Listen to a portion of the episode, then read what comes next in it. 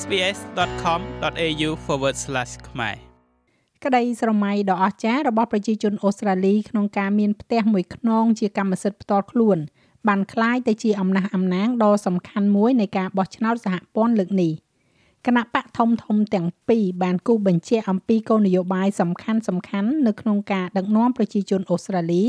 ឲ្យមានផ្ទះសម្បែងផ្ទាល់ខ្លួន ប៉ុន្តែជាមួយនឹងតម្លៃផ្ទះកើនឡើង20%ក្នុងរយៈពេល12ខែកន្លងមកតើគោលនយោបាយរបស់គណៈបកទាំងពីរនេះ មានមួយណាដែលនឹងធ្វើឲ្យមានការខុសប្លែកដែរឬទេ បន្ទាប់ពីធ្វើការពេញមួយថ្ងៃ នៅពេលយប់នាងអមរតាណាយ៉ាក់បើកឡានទៅមើលផ្ទះដែលគេដាក់លក់នាងកំពុងតែស្វែងរកទីកន្លែងមួយដើម្បីបង្កើតក្រុមគ្រួសារដោយមានទីធ្លានៅខាងក្រោយសម្រាប់ឆ្កែរបស់នាង Hello. Hi. There you go. Thank, Thank you.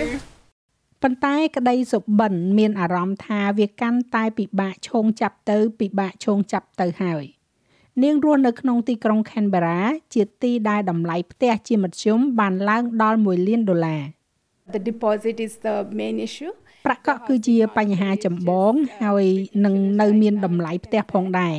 ទីផ្សារលំនៅឋានវាគួរឲ្យអស់សំណើចណាស់ឥឡូវនេះឬក៏ខ្ញុំអាចនិយាយបានថាគឺវាថ្លៃណាស់ បញ្ហាលំនៅឋានបានคล้ายទៅជាប្រធានបទដ៏សំខាន់មួយនៃការបោះឆ្នោតសហព័ន្ធឆ្នាំ2022នេះគណៈបកធំធំទាំងពីរកំពុងតែដាក់ចេញនៅគោលនយោបាយដែលមានគោលបំណងជួយនាំប្រជាជនអូស្ត្រាលីចូលទៅក្នុងទីផ្សារអចលនទ្រព្យជាមួយនឹងប្រាក់កក់ទាបបកសម្ព័ន្ធមានកម្មវិធីធានាសម្រាប់លំនៅឋានថ្មីឬហៅថា New Home Guarantee Scheme ដែលមានស្រាប់ទៅហើយដែលបានដាក់ចេញក្នុងឆ្នាំ2020កម្មវិធីនេះវាមាន50000កន្លែងក្នុងមួយឆ្នាំមួយឆ្នាំសម្រាប់អ្នកដែលរកប្រាក់ចំណូលបានតិចជាង125,000ដុល្លារសម្រាប់មនុស្សម្នាក់ឬក៏200,000ដុល្លារសម្រាប់ប្តីប្រពន្ធឬក៏ដៃគូនៅក្រោមក្រមការនេះម្ចាស់ផ្ទះដំបងត្រូវការប្រាក់កក់ត្រឹមតែ5%ប៉ុណ្ណោះ រដ្ឋាភិបាលធានាចំពោះប្រាក់កម្ចីនេះដែលជួយសន្សំសំចៃប្រាក់ថ្លៃធានារ៉ាប់រងសម្រាប់អ្នកខ្ចីប្រាក់ទិញផ្ទះឬភាសាអង់គ្លេសហៅថា Lenders Mortgage Insurance ដែលត្រូវចំណាយអស់ប្រមាណជា30,000ដុល្លារសម្រាប់ផ្ទះដែលមានតម្លៃ7សែនដុល្លារគណៈបក Labor ក្រុងនឹងរក្សាគោលការណ៍នេះហើយនឹងដាក់ចេញនៅក្រមការទី2គឺជំនួយក្នុងការទិញផ្ទះឬមួយក៏ Help to Buy Scheme កម្មវិធីនេះមាន10000កន្លែងក្នុងមួយឆ្នាំសម្រាប់អ្នកដែលមានប្រាក់ចំណូលតិចជាង90000ដុល្លារសម្រាប់បុគ្គលម្នាក់និង120,000ដុល្លារសម្រាប់ប្តីប្រពន្ធឬក៏ដៃគូប្រាក់កក់ដែលត្រូវការនោះគឺ2%អ្នកទិញមិនចាំបាច់បង់ថ្លៃធានារ៉ាប់រងខ្ចីប្រាក់ឬហៅថា lender mortgage insurance នោះទេដោយនៅក្រោមក្រមការភាគហ៊ុនរួមដែរគឺរដ្ឋាភិបាលនឹងមានភាគហ៊ុនពី30ទៅ40%នៅក្នុងអចលនទ្រព្យនោះ អ្នកទិញក៏នឹងមានបំណុលទាបនិងការបង់ប្រាក់សងត្រឡប់ទៅវិញទាបផងដែរដោយសារតែពួកគេខ្ចីប្រាក់ពីធនាគារតិចជាងមុន The coalition scheme is larger in terms of number. The Labor's is កម្មវិធីរបស់បកសម្ព័ន្ធគឺធំជាងបើគិតពីតួលេខហើយកម្មវិធីរបស់បក Labor គឺតូចបើគិតជាតួលេខហើយត្រូវបានកំណត់ត្រឹម10000កន្លែងប៉ុន្តែមានចិត្តល្អជាងសម្រាប់អ្នកដែលមានសំណាងគ្រប់គ្រាន់ដែលអាចទទួលបាននៅកម្មវិធីនេះ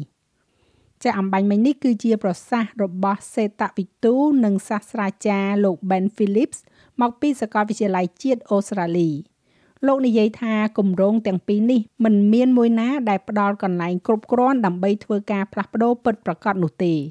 សរុបទៅមាន60000កន្លែងប៉ុន្តែមានអ្នកជួលជាង3លាននាក់នៅក្នុងប្រទេសអូស្ត្រាលីសប្តាហ៍នេះ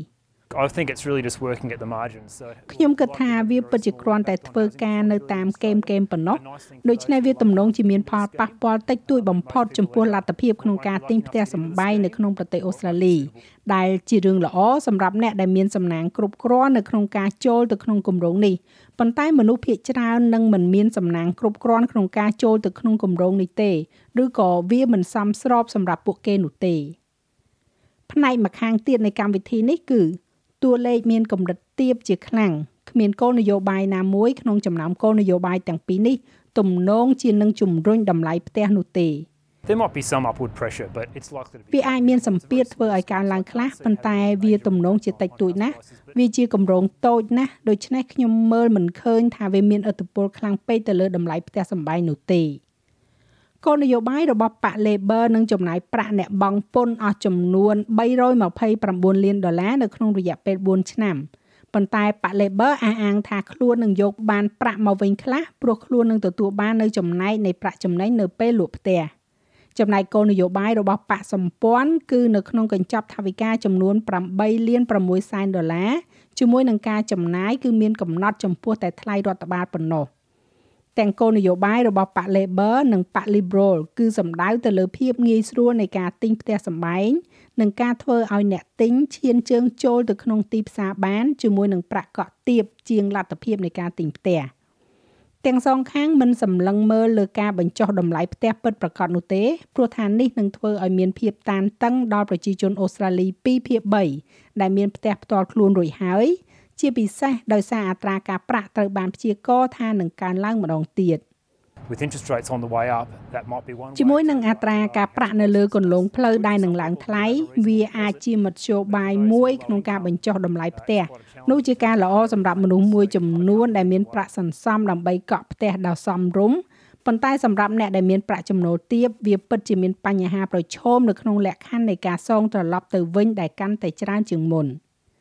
សម្រាប់អ្នកដែលជួលរយៈពេលវែងប៉ា Green មានគោលនយោបាយសាងសង់លំនៅឋានសាធារណៈចំនួន125,000ខ្នងជាមួយនឹងការជួលកំណត់ត្រឹមតែ25%នៃប្រាក់ចំណូលរបស់អ្នកជួលតែប៉ុណ្ណោះប៉ុន្តែសម្រាប់អ្នកនាងអមរិតាណាយ៉ាការធានាបាននៅផ្ទះមួយខ្នងនឹងក្លាយទៅជាចំណុចសំខាន់កំពូលសម្រាប់នាងក្នុងការសម្រេចចិត្តនាពេលបោះឆ្នោតនេះ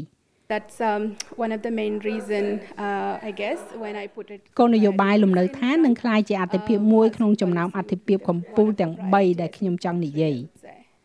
ចាស់ហើយរបាយការណ៍នេះចងក្រងឡើងដោយ Lucy Murray សម្រាប់ SBS News និងប្រែសម្រួលសម្រាប់ការផ្សាយរបស់ SBS ខ្មែរដោយនាងខ្ញុំហៃសុផារ៉ានី